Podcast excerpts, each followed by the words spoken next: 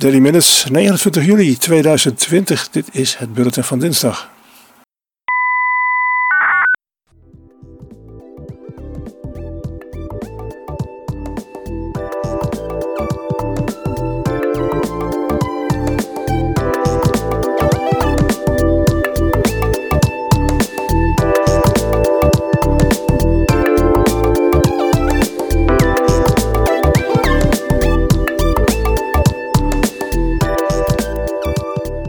Daily Minutes, 29 juli 2020. Dit is het bulletin van dinsdag.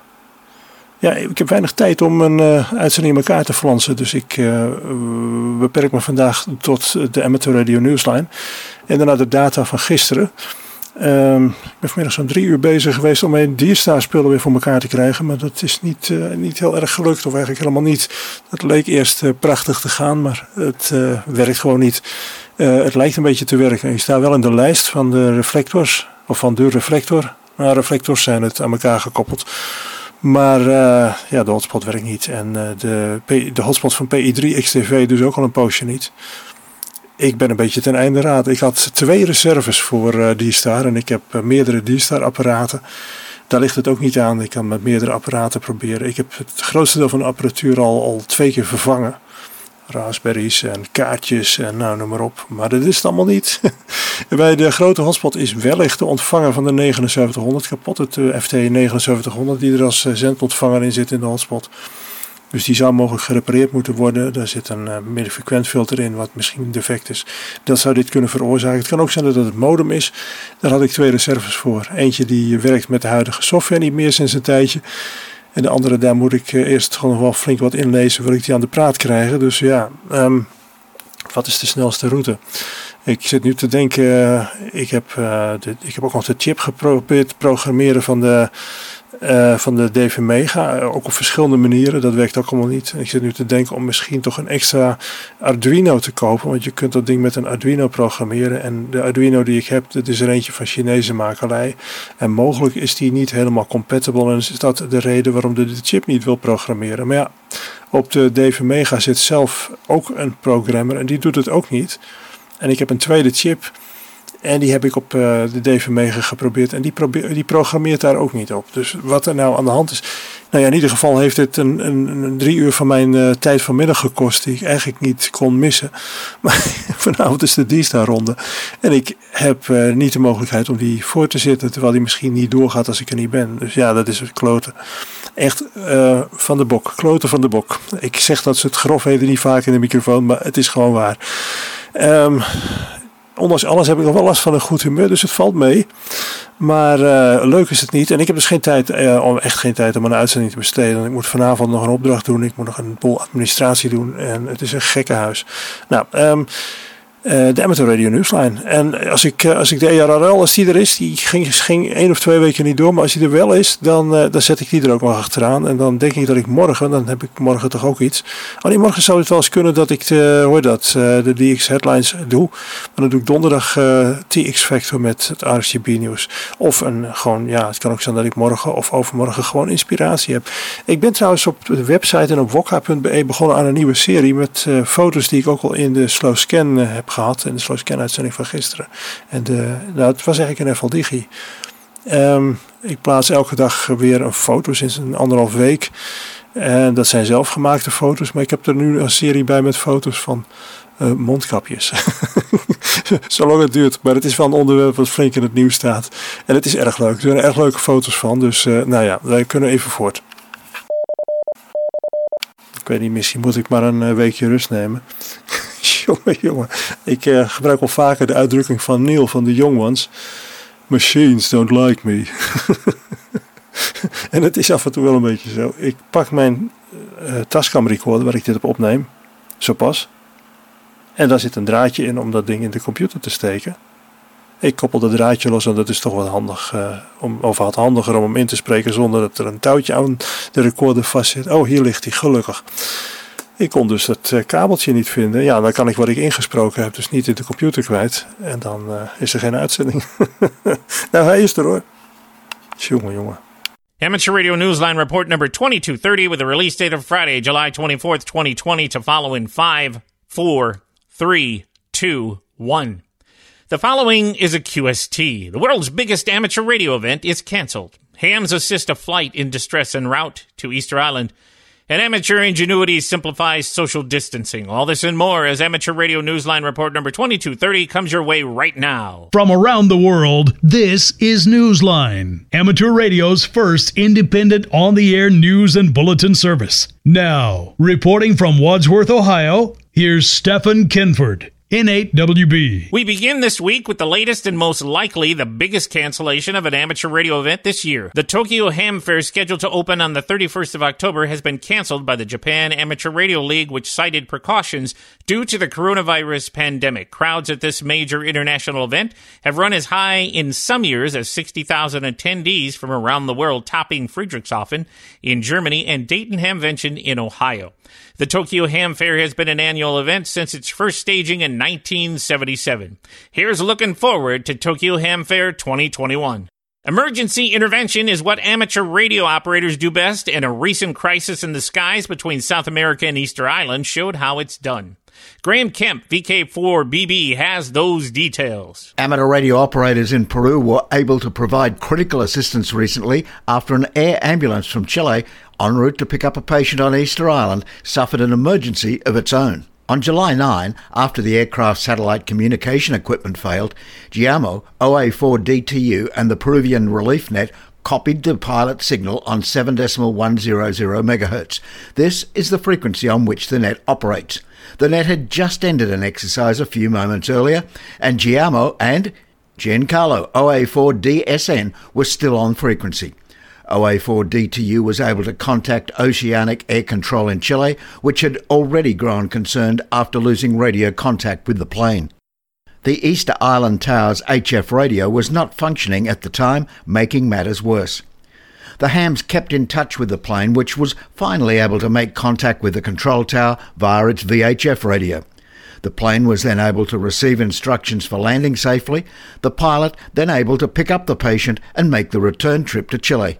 For Amateur Radio Newsline, I'm Graham Kemp, VK4BB. If you think antenna or tower work can be dangerous sometimes, consider a different kind of risk some tower workers in Mexico have been taking. According to one news agency report, Kent Peterson, KC0DGY, has the details. They're called parasite antennas, and they're part of a far reaching network in Mexico that authorities say use cellular sites and other towers to support illegal drug trafficking. According to a recent report by Reuters, drug cartels often install their antennas on towers amid those of legitimate cellular carriers, making use of the space to enable drug traffickers two way radio communications. The Reuters report noted that the use of the towers is actually more advantageous to the traffickers when it comes to avoiding detection. In rural areas without the towers, the cartels are compelled instead to install standalone antennas, which are more easily detected than those piggybacked amongst the telecom users. The Reuters report noted that the existence of these antennas put many of the telecom workers at risk when they are doing repair work at such a tower, and many fear for their lives. The same report noted, however, that federal authorities are providing security from the Defense Ministry of Mexico when they seek to dismantle the cartel's equipment. When Reuters contacted Mexico's telecom and broadcast regulator, the Federal Telecommunications Institute, the agency replied that none of the companies under its jurisdiction have filed reports about the existence of any such parasitic antennas. For Amateur Radio Newsline, I'm Kent Peterson, KC0 DGY. A scaled down communications exercise between the amateur radio community and members of the Military Auxiliary Radio System, or MARS, began on Monday, July 20th. It was held in place of the larger quarterly Department of Defense exercise because of the COVID 19 pandemic. The drill did, however, have the same purpose to sharpen interactivity between the hams and Mars members. Christian Cudnik, K0STH, picks up the story from there. As Amateur Radio Newsline went to production, ham radio operators and Mars members were wrapping up an HF skills exercise that ran from Monday, July 20th to Friday, July 24th. Army Mars program manager Paul English, WD8DBY, told Newsline that tens of thousands of hams around the country were instructed to listen to WWVH and WWV twice a day for instructions on monitoring 60 meters. Mars members reached out on that band seeking meteorological information around the various counties' traffic information, detailed reports about local utilities and outages, as well as any road closures. Paul told Newsline that 99% of the time, the HAM's subsequent reports to Mars members were expected to contain simple factual information indicating everything was fine. Mars members were also communicating with HAMS in the Automatic Link Establishment and the Salvation Army Team Emergency Radio Network. He added, quote, This is about practicing skills and procedures, not the information content. Even under non emergency conditions, he said, the partnership is necessary for Mars to be successful in its mission. For Amateur Radio Newsline, I'm Christian Cudnik K0STH. The popular Illinois D Star Net is on the move. The Wednesday night net, which takes place at 9 p.m. Central Time, has migrated to reflector 51D, that's 51 Delta, because of issues with hotspots on the previous reflector. The change took effect Wednesday, July 22nd. Reflector 1 Charlie, where the net had previously been, will remain the home of the KB0ZSG International D Star Net, which takes place on Sunday Sundays at 7 p.m. Central Time. Speaking of D Star, AMSAT now has a reflector available to hams who enjoy using that mode. Jack Parker, W8ISH, tells us more. AMSAT has announced the creation of a new D Star reflector supporting four different reflector names XLXSAT, XRFSAT, DCSSAT, and REFSAT. Hams using hotspots to connect to D-Star are advised to refresh or update their Blue DV or their Pi-Star host files to see the new entries. Walter Holmes, K5WH, says that the new D Star reflector is not bridged into the system the way AMSAT's DMR talk group and its Yaesu System Fusion reflectors are bridged. He says bridging was likely after a bit more testing. AMSAT has had a DMR talk group and a Fusion reflector for more than a year, and their success is credited with sparking interest in adding D Star to the system. The DMR talk group is 98006, and the Fusion YSF reflector is 11689.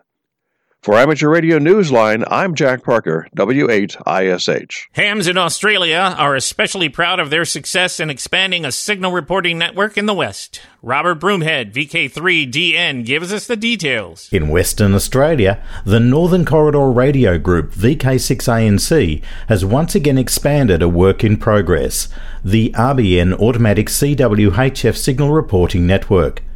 With the help of Fists Down Under, the Hams have added a new station to the network to fill a void, and the earliest tests show that it to be successful as far away as the southeastern part of Australia.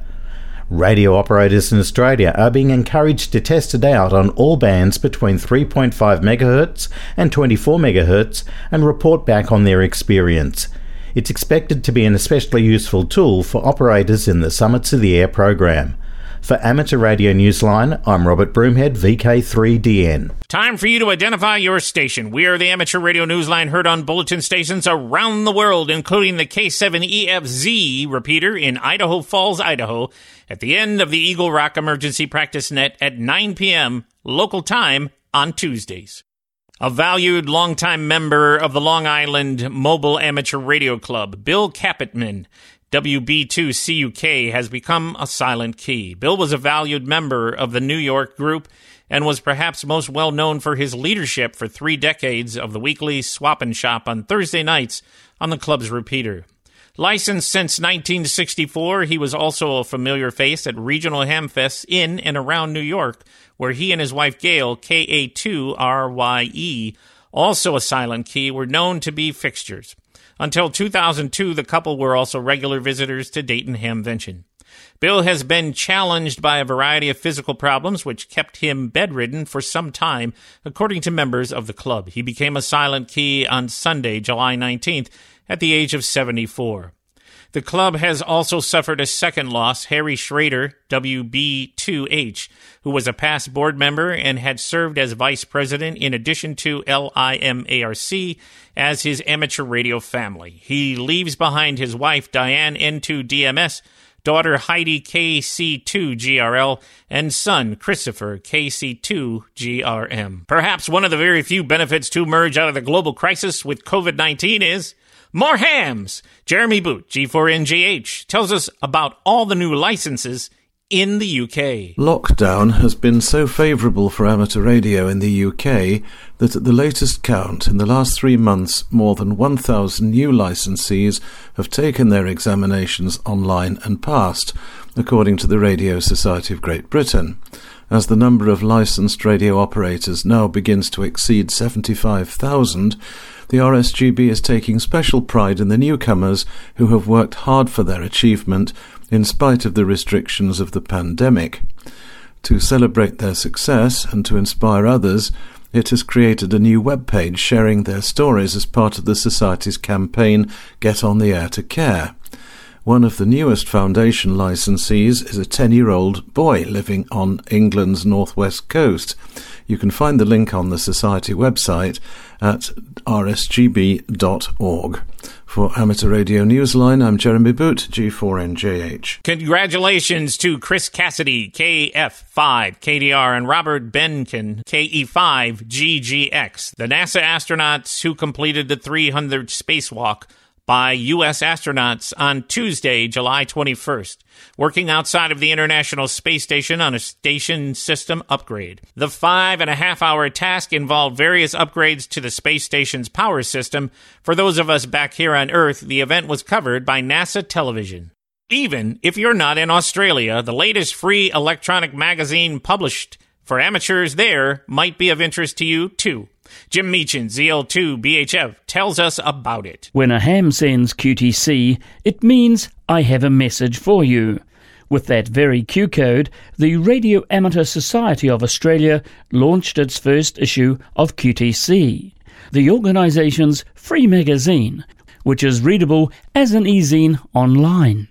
The magazine's move to a full e-zine platform means that the PDF of the winter edition is readable from a browser from a computer, a tablet, or even a smartphone. The 25 page issue includes articles on how to kill QRM at the home station and an array of tips for avid DXs. Find a link to the July August issue in the printed version of this week's Newsline script on our website arnewsline.org. For Amateur Radio Newsline, I'm Jim Meechan, ZL2BHF. There will be changes when the Great Lakes Division of the ARRL holds its next election. Phil Thomas, W8RMJ, tells us more. After serving the past six years, Tom Delaney, W8WTD, ARRL Great Lakes Division Vice Director, has announced that he will not run for re election. W8WTD, in a short statement released on Sunday, July the 19th, stated that it had been a privilege to serve as vice director for the Great Lakes Division of the ARRL. Tom Delaney went on to say that he remains committed to the ARRL and its goals for amateur radio. W8WTD, in closing, said that he thanks all who have shown him support and encouragement over the past six years. Reporting for Amateur Radio Newsline, this is Phil Thomas, W8RMJ. In the world of DX, be listening for Mateo, IZ4YG. GS, operating from Ghana as 9G5GS between the 8th of August and the 15th of September. He expects to be on the air almost every evening, local time, and plans to be on 160 meters through 10 meters, using mostly FT8 in Foxhound mode and SSB. He also will be using the QO 100 geostationary satellite on upper sideband. Mateo will update club logs daily. Send QSL via LOTW IZ4YGS Direct, or EQSO. Be listening for Felipe EA4NF, who will be operating on the satellites from Lanzarote Island in the Canary Islands using the call sign EA8 slash EA4NF between August 10th and 17th. He is placing a special focus on the very rare IL39 grid. Be listening on the FM and linear satellites. Send QSLs via LOTW to EA8 slash EA4NF. There's still time to work members of the Radio Galena group. And the Union of Radio Amateurs Vetusta, who are on the air in Spain with special event station EG1 FMM until July 30th. The groups are commemorating the moon landing in July 1969. Listen on 80 meters through 20 meters, including 60 meters, using various modes, QSL via EB1 CAM. Amateur radio has brought many millions of people together, and now one ham in Germany is using his skill in radio and electronics to make sure they stay safely apart. Ed Durant, DD5LP, has our final story of this week. Marcel Andre, DL1EKM, wants you to keep your distance. It's for your own good and everyone else's during these difficult pandemic times. That's why the German amateur has done a bit of homebrewing, creating a COVID 19 distance warning device with the help of an Arduino Nano, a distance sensor, some LEDs, and some carefully crafted code. If a nearby person oversteps a preset safe distance and approaches too close to you for comfort, the alarm responds with a buzzer and flashing lights that display a sad face instead of a smiley one. Publishing instructions for his creation on Hackster.io, Marcel writes, quote, One of the most effective ways to prevent the spread of COVID 19 and other viral and cold diseases is to keep other people away. End quote. He says that queues at cash registers or retail counters are particularly risky spots, adding that no one carries a yardstick when they venture out into the world. That's where this device comes in. It requires only a few components and costs perhaps 10 euros, the equivalent of a little more than 11 US dollars. Then you only need to download and follow his layout. He's hoping as word about it spreads, perhaps COVID 19 won't.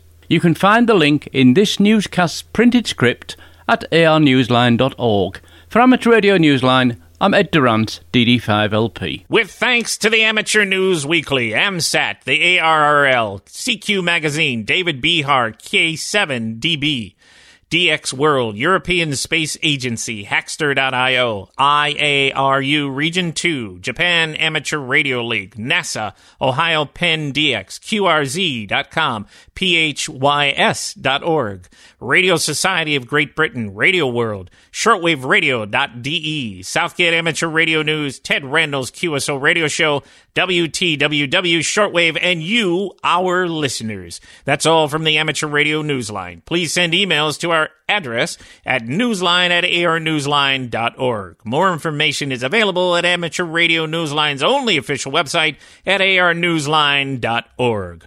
For now, with Caryn Eve Murray, KD2GUT at the news desk in New York, and our news team worldwide, I'm Stephen Kinford, N8WB in Wadsworth, Ohio, saying 73, and as always, we thank you for listening. Amateur Radio Newsline is copyright 2020, all rights reserved.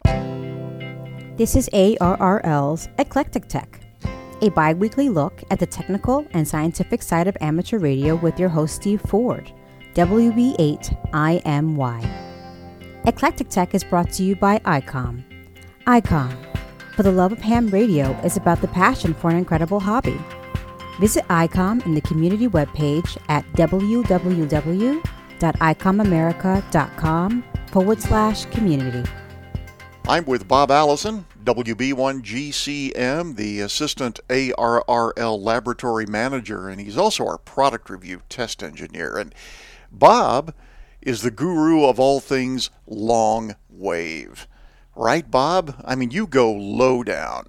Yes, I do like to listen down there. There are some interesting things to hear from time to time, and it's always worth exploring. If you like electromagnetic waves, you you got to be curious of what's going on down there. Yeah, I call it the basement of radio. Certainly the basement of amateur radio. Yes, it is.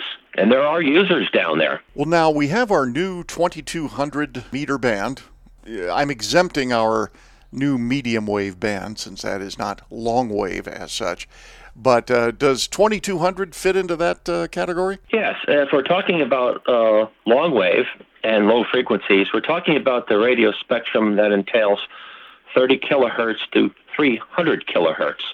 And so our 2200 meter band falls between 135.7 and 137.8 kilohertz.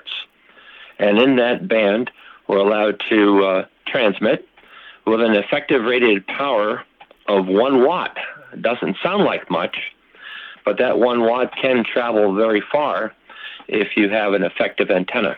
And if you can radiate a watt, you're doing okay, and it's enough for you to get on the band and make some contacts, provided that there are other people operating at the time. Yes, and especially with digital modes, I understand. Well, there's a couple modes that, that are used on uh, the lower bands, such as uh, JT9 and uh, FT8, and also WSPR. That's right. Now, you've been listening to uh, long wave stuff for years and years. I, I think a lot of people, for example, don't realize that there are actually, or at least there were, broadcast stations down there, right? Yes. You see, long wave has um, an interesting characteristic, and, and that radio waves tend to follow the surface and the contour of the Earth. So it's, it's a surface wave. Some people call it a ground wave. And think of this so, radio waves, the higher in frequency you get, the more radio waves behave like light. In fact, light is an electromagnetic wave, and light bends around corners for short distances. And you go down lower in frequency, radio, radio, radio waves tend to uh, bend around things a little bit better. Lower and lower and lower you get, the better that happens. The better radio waves go over mountaintops, ravines, through the ocean, and through the earth. In fact, b- below 50 kilohertz, submarines use frequencies that are uh, in the lower area of the long wave spectrum, and frequencies below 50 kilohertz can penetrate ocean depths of up to about 500 feet. So submarines use long waves, and so do people that like to explore caves. The only method of two way radio, if you're underground exploring caves, is to use long waves because the electromagnetic waves go through the earth. Of course, you, you couldn't try that on 70 centimeters and bring a, a handheld down below in a cave. It just wouldn't work. But long waves do work, interestingly enough. And hams have been dealing with long waves pretty much since the beginning, haven't they? Well, that's where they started, basically. Uh, very, very long waves. They didn't even think about what frequency they were actually operating on. It was just the fact that they were creating electromagnetic waves. And then they started using tuned frequencies and very, very, very, very large antennas. In fact, most of the marine traffic, uh, ship to shore communication, ship to ship, all happened below 500 kilohertz um, at one time or another. In fact, the very early experimental days of radio broadcasting took place between 2 and 300 kilohertz. And they are still there. At least there are some long wave stations there. I th- want to say principally in Europe. Am I is that correct? Yes, Europe and Asia, ITU regions 1 and 3 have frequencies allocated to long wave broadcasting. I believe it works out to be uh, to be about uh, 150 to 280 kilohertz. Some of the European stations have gone dark and have been replaced by internet feeds, but there are many other countries that use long waves, and specifically, the reason being is because that long wave signal can penetrate an entire country in Europe and large regions of uh, area can be covered in uh, Asia uh, as well. So it's very practical to have one station cover a very, very large area on long wave. The disadvantages are, of course, the very, very long and tall antennas that are required, and also the amount of power that's needed. But basically, uh, the radio waves follow the surface of the Earth, and typically the range expected is about 1,200 miles. Now, my understanding is you have monitored uh, European long wave here in the United States yourself. Is that right? Oh, yes. Uh, the best time to do that is in the winter months for us here in the Northern Hemisphere. So the months of um, November, December, and January are optimum. And um, there's, there's less absorption from the uh, D layer because the D layer is gone in the ionosphere for a longer period of time since uh, daylight isn't around. And so at night, right around midnight, during winter solstice time, is actually the best time to try to listen to long wave. Summertime, not as much. And uh, I used to listen to a number of long wave stations. In fact, I was a novelty guest on one of them years ago. It was called Atlantic 252, 252 kilohertz. The station was located in Ireland. And they used to come into uh, my location quite nicely with a simple inverted L antenna.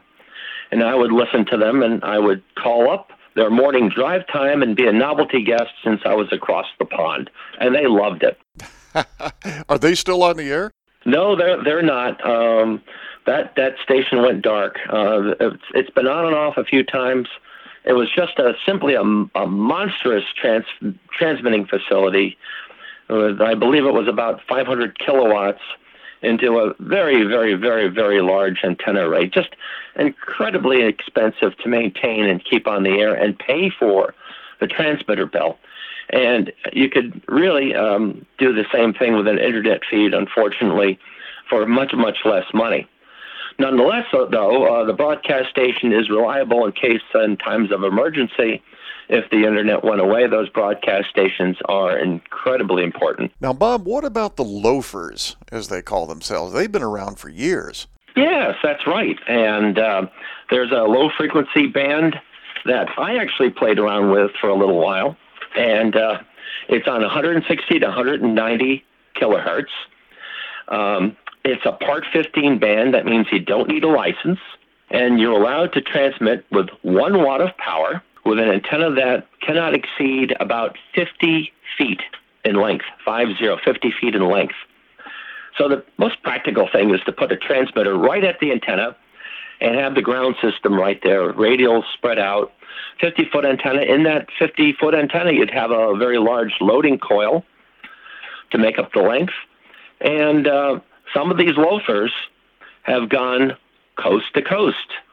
In other words, in New Jersey, a uh, California LowFER was heard, and vice versa. So they kind of um, they kind of scouted the way for the uh, amateurs for the 630 meter band and the 2200 meter bands those LowFERs proved with their very low power and uh, really inefficient antennas that low power can work on those bands, and uh, apparently so because there have been many successes on 2200 meters and also 630 meters. I've been amazed at what some of the guys down on 2200 meters have been able to accomplish. There aren't many hams operating down there yet, uh, but those that are have done some amazing things. Yes, it's it's worth a try if you um, have some time. You can wind a very large loading coil, let's say, on a plastic garbage bin. That plastic garbage can, round cylindrical object, can act as a um, loading coil form. You can wrap wire around that many, many, many, many times. There are articles about that out there. And with that, and uh, maybe loading that into uh, a T antenna of sorts. If you have a 160 meter dipole, short out the transmission line, use it as a T, feed it against ground, stick in a loading coil, and you might just get on the air. Bob, is it correct that if you want to operate on 220 meters, you need permission or clearance from uh, a council, utility council? Is that right? Yes, that's correct. You need permission from the Utilities Telecom Council. They're concerned that amateur transmissions in these bands will interfere with uh, power line communications, uh, switching on and off power, etc. So you have to go to a PLC website and fill out an application that contains your latitude and longitude. It's uh, very simple to do. And to do that, you can go to the ARRL main page click on the little blue panel on the top. It's called Technology. Click on the Technology panel, and on the Technology main page, you'll see uh, an application hyperlink in blue that'll bring you right to the application process so you can fill out the application. And you'll have to wait a couple weeks for them to get back to you, but they'll send you permission to operate on those bands. And it's just to protect the, the grid system in the United States. My understanding is they rarely deny permission. Is that correct? That is correct. Bob, what about the average ham, like myself, who has an HF transceiver that can tune, well, in my case, I believe down to uh, 300 kilohertz? If, if I just wanted to eavesdrop on some long wave activity with that radio, is that possible? Absolutely. And, and the best part is you don't need a really super duper crazy, crazy long antenna to do so. In fact, inefficient antennas work well down there. Reason being is because the noise floor is so high. The man made and the atmospheric noise is much higher below the AM broadcast band. Then it drops off uh, the higher in frequency you go. But um, that noise uh, makes listening difficult. So there's no sense in having the absolute best receiving antenna. You just want one that can pick up the noise floor, the man-made noise, the atmospheric noise. If you hear that coming in well, then your antenna is working. So many hams use a ferrite rod antenna, the same kind that you find inside of a maybe a little AM broadcast radio. That, a preamp, and a simple crystal detector hooked up to a long piece of wire can pick up some natural sounds of the earth um, and the universe. So there are experimenters that go below 30 kilohertz with simple crystal detectors and antennas such as ferrite loop antennas, and they can pick up natural sounds such as morning chorus, uh, something that sounds like a bunch of crickets, all sorts of crazy whistlers. There's all sorts of strange atmospheric and uh, ionospheric noises that go on down there. Thinking about the uh, HF transceivers again, Bob, especially in your capacity as the product review tester, what is your opinion about the performance of those radios? If you look at the data tables of amateur transceivers, you can see the sensitivity of the receivers on those amateur bands. So look at that, and uh, if it can pick up anything more than, let's say, minus 107 dBm, that's a microvolt. That's a good base point for that band. You may not even need that much sensitivity. But a microvolt, at least a microvolt of sensitivity is good. Many transceivers do better than that, and they have better sensitivity. So many of them work quite well, but please consult the QST product reviews for sensitivity figures in the data tables. So they may be able to use these to pick up, say, some of the long wave broadcast stations? Oh, absolutely. I used to do that all the time. There are manufacturers that make transverters for HF amateur transceivers. What they do is they just simply convert 2200 meters or 630 meters to 160 meters. So your radio looks like uh, it's working on 160, but it's actually on those other bands and they provide about 50 watts of RF output. Of course, you're not allowed to um, radiate 50 watts. You have to keep it to 5 watts maximum on 630 meters and 1 watt maximum uh, effective radiated power on 2200 meters. And I think we've reviewed some of those too. Absolutely. You can see those in QST Product Review.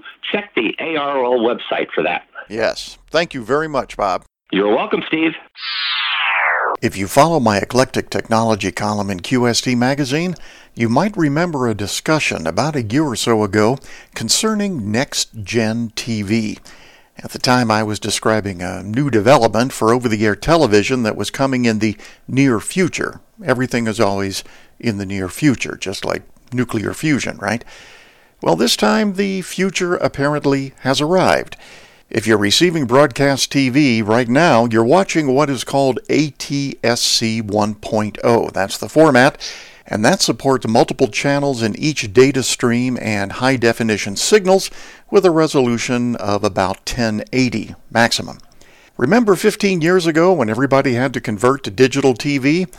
You either purchased a new digital TV or you bought an inexpensive analog to digital converter. It was pretty controversial at the time. For the TV stations, the conversion wasn't voluntary, if you remember. By an FCC mandated deadline, they had to stop sending analog signals and switch entirely to digital. Not everyone was happy, especially the TV stations, but in time, everyone got used to it. But now we live in the digital TV age, and technology, of course, marches on. A TV with merely 1080 resolution is kind of passe. Now the revolution has moved to ultra high definition, better known as 4K. Cable providers and streaming services are starting to offer 4K programming, and understandably, a number of TV stations want in on the action. That's what Next Gen TV, technically known as ATSC 3.0, is all about. It's 4K resolution over the airwaves with some other goodies thrown in. As it concerns the TV stations and the FCC, however, things are different this time around. The jump to Next Gen TV is strictly voluntary this time. Your local TV station doesn't have to abandon the current system, and you don't have to purchase a new television. But Next Gen TV is not backward compatible with ATSC 1.0. You can't receive next gen signals with your current ATSC 1.0 TV, in other words. If your favorite TV channel decides to switch to next gen, it's bye bye, unless you own a compatible TV, of course, or possibly a converter. Some TV stations in the major markets are actually already broadcasting next gen. According to those who follow these things, this will spread to stations in many of the top 50 metropolitan areas by about the end of this year. TV manufacturers like Sony, Samsung, and LG are saying they're going to have next gen compatible TVs for sale just in time for Christmas. Expect to hear a lot of hype about next gen in the coming months. I've seen a demonstration and it really is pretty amazing. It's like a still photograph come to life. But I'm skeptical that a lot of TV stations are going to make the big investment, and it is a big investment, to convert to next gen without the FCC telling them to do it.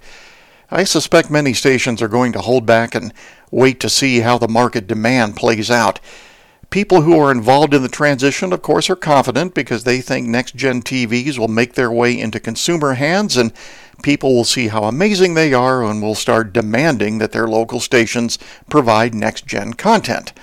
It'll be very interesting to see how this all unfolds. Tune in again for the next episode of Eclectic Tech, produced by ARRL, the National Association for Amateur Radio. Music is provided by Purple Planet at purpleplanet.com. If you have comments, email eclectic at arrl.org. This episode is copyright ARRL and all rights are reserved. I'm Sabrina Jackson, KC1JMW. See you next time.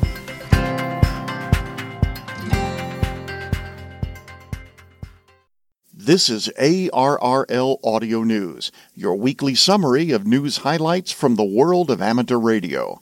I'm Steve Ford, WB8IMY, and these are our stories for Friday, July 24th.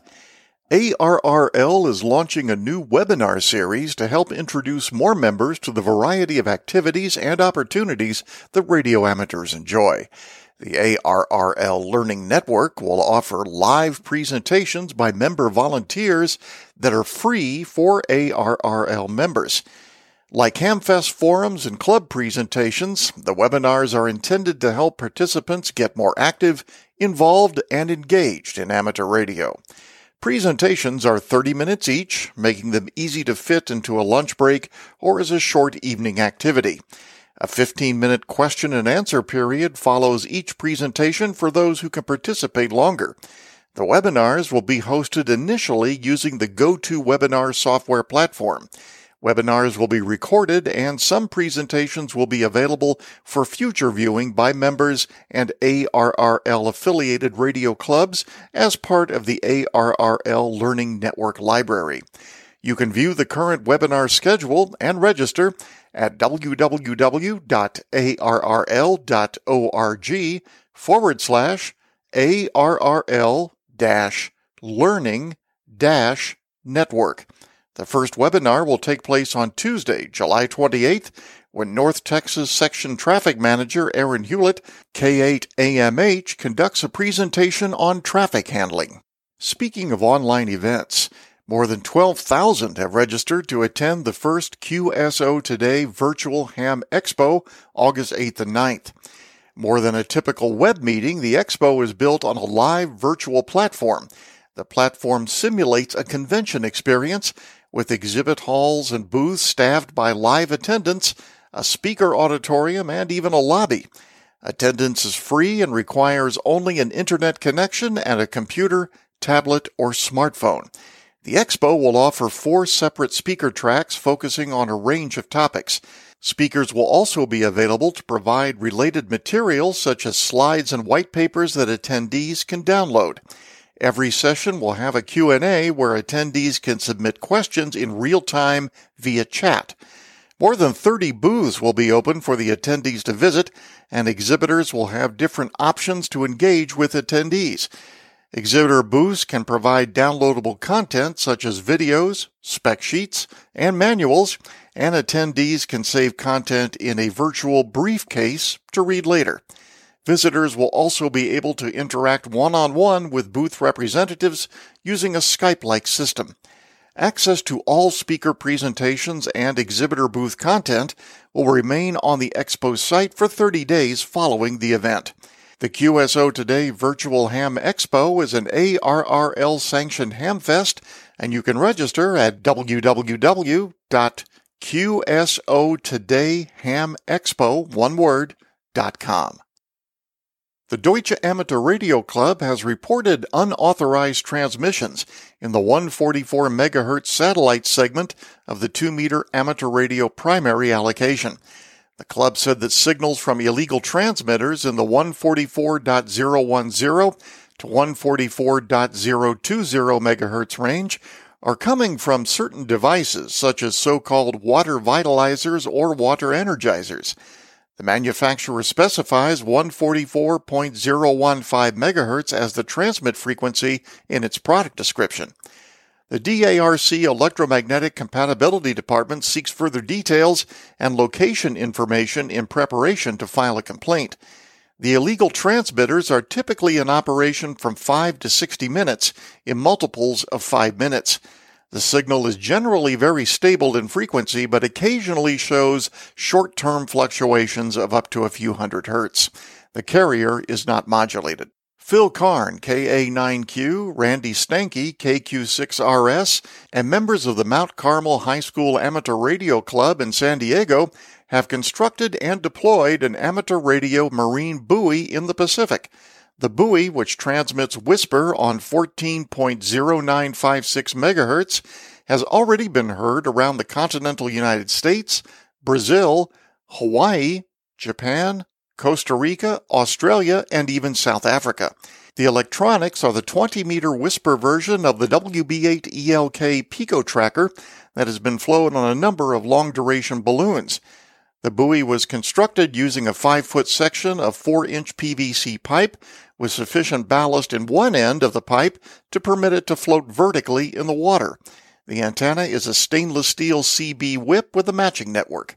The first reception report was on July 16th at 12:52 UTC when the buoy was in grid square CL89. Although the current carried the buoy east into CL89FU at 2032 UTC.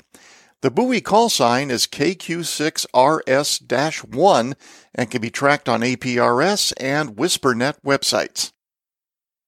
Peru's Radio Club Peruano reports that Guillermo Guerra, OA4DTU, and the Peruvian Relief Net assisted an air ambulance en route to Easter Island on July 9th after its satellite communication equipment failed.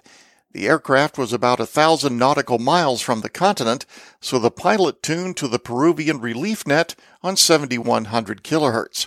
Net Control Station OA4DTU and Giancarlo Pasalacqua OA4DSN were still on frequency and communication was established with the aircraft. The pilot detailed his tenuous connection and requested support to communicate via telephone with Ocean Air Control, a service of the Directorate General of the Aeronautics of Chile, which watches over 32 million square kilometers of airspace off the Chilean coast in the Pacific. Authorities were already on alert for the aircraft because of the communication loss. Plus, the HF transceiver at the Easter Island Tower was inoperative. About 10 phone calls were made to point out the aircraft's position and route schedule, as well as any additional information needed. Other hams in Peru were listening and standing by. Guerra remained in contact with the aircraft until he was sure that it could reach its destination. At approximately 2330 UTC, the pilot reported making VHF contact with the Easter Island Control Tower for landing instructions. AMSAT has signed an agreement to collaborate on building and operating MESAT 1, with the University of Maine Wireless Sensing Laboratory, or WISENet Lab. This will be Maine's first small satellite. The planned launch is within the next three years. MESAT 1 is part of NASA's CubeSat launch initiative. The satellite will enable kindergarten through 12th grade students and teachers in Maine to access space data for educational and research purposes. It will encourage students to pursue STEM careers. The linear transponder module of the satellite will be provided by AMSAT along with integration and operational support. The linear transponder module, or LTM, incorporates a VHF UHF telemetry beacon, command receiver, and linear transponder. The transponder will be turned on worldwide after commissioning. Keeping with AMSAT's commitment to education, AMSAT's president, Clayton Coleman, W5PFG, said, quote, This is a great day for AMSAT and the University of Maine's WISENet Lab. This partnership is a true win-win for both education and amateur radio. The collaborative effort under AMSAT's engineering and operations teams has once again succeeded in bringing another opportunity to AMSAT. Unquote. Our thanks to Bruce Page, KK5DO, for this report. This is the ARRL propagation forecast for Friday, July 24th. We have a small sunspot to report, and it's generated enough activity to kick the solar flux index into the low 70s. That's nothing to get particularly excited about, although you may want to occasionally check the higher HF bands in the week to come. There's a blast of solar wind on the way, and it'll arrive this weekend, but the effects are forecast to be minor. On VHF and UHF, the phenomenal 6 meter season continues with significant band openings reported almost every day. According to the reports, most of the activity is taking place with the FT8 mode at 50.313 MHz. Also, watch out for strong tropoducting on 2 meters, 222 MHz, and 430 MHz if you live in western Oregon, extreme southern California, northern Missouri, and northern Illinois. And that concludes ARRL Audio News for this week. Our thanks to all contributors to this week's report. ARRL Audio News is produced by the American Radio Relay League, the National Association for Amateur Radio. For more information on amateur radio or the ARRL, visit us on the web at arrl.org. You can also find us on Facebook and Twitter by searching for ARRL. If you have a question or comment about ARRL Audio News, email us at audionews at arrl.org. This program is copyright ARRL, all rights reserved. 73, and thanks for listening. Title music is by Croatian artist Blasko and is published under Creative Commons. You can find this podcast on dmpodcast.net, DM is for Daily Minutes, and on several other platforms. De internetfaciliteiten en studiohardware voor Daily Minutes worden gesponsord door 70mhzshop.nl. 70mhzshop.nl. Daily Minutes Podcast. Whoever hears this is crazy. En microfoon naar retour.